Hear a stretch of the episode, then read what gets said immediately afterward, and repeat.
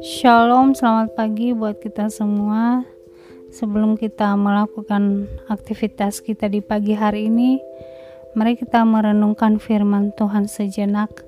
Namun sebelumnya mari kita datang bersyukur kepada Tuhan. Mari kita berdoa. Bapa yang di surga, terpujilah namamu. Pada saat ini kami bersyukur atas kebaikanmu di dalam kehidupan kami. Kami juga bersyukur buat kesempatan yang Tuhan berikan kepada kami untuk dapat belajar dari kebenaran firman-Mu di pagi hari ini ya Tuhan.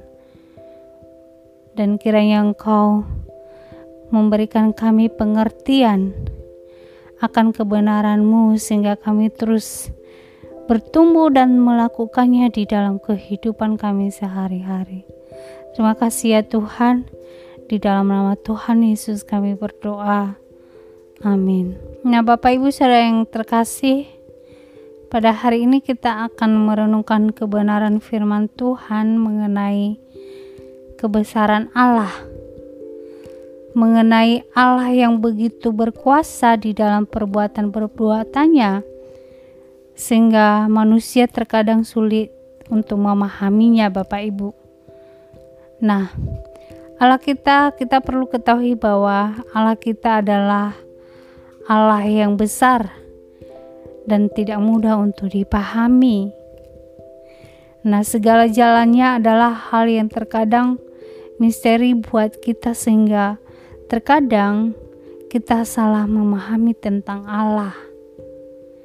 Bahkan karena keterbatasan kita dalam memahami Allah, kita selalu menyalahkan Allah di saat persoalan atau pergumulan yang kita hadapi begitu berat ya Bapak Ibu ya.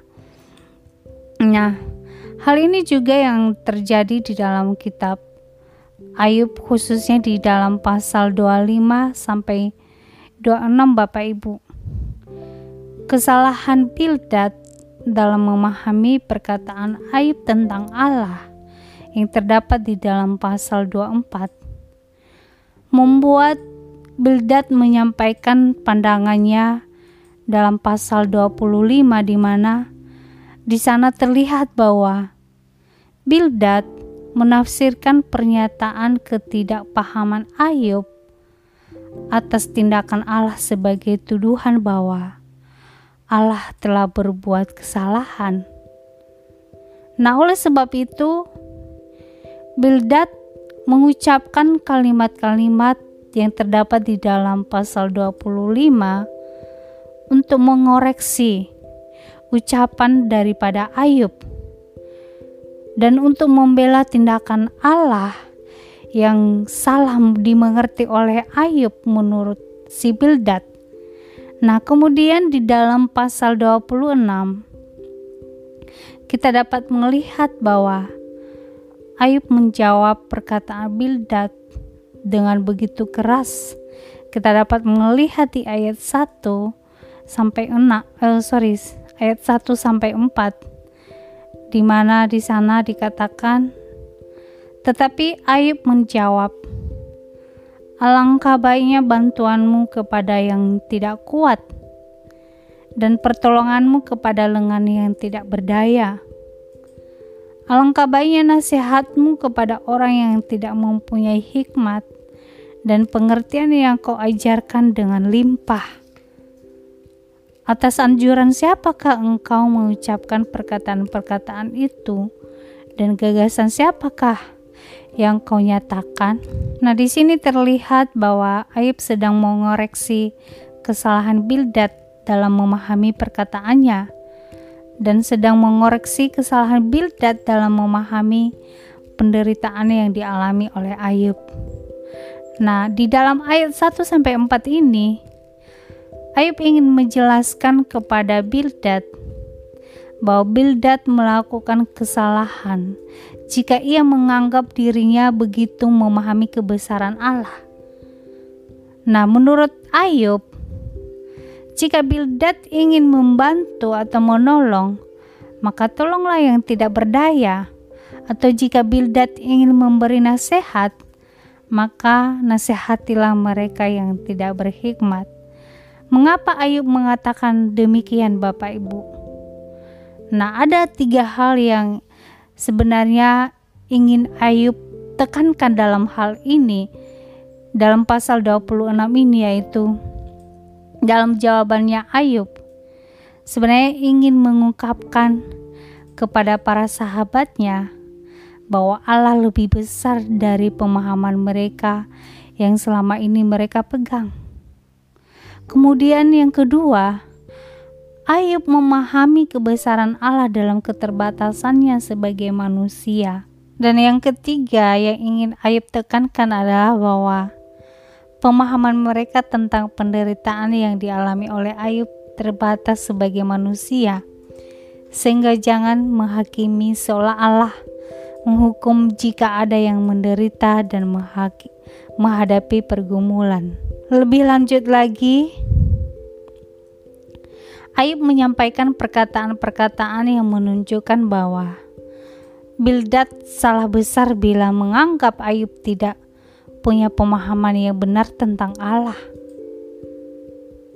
Ayub juga memahami akan kebesaran Allah di mana hal ini diungkapkan di dalam ayat-ayat selanjutnya Bapak Ibu.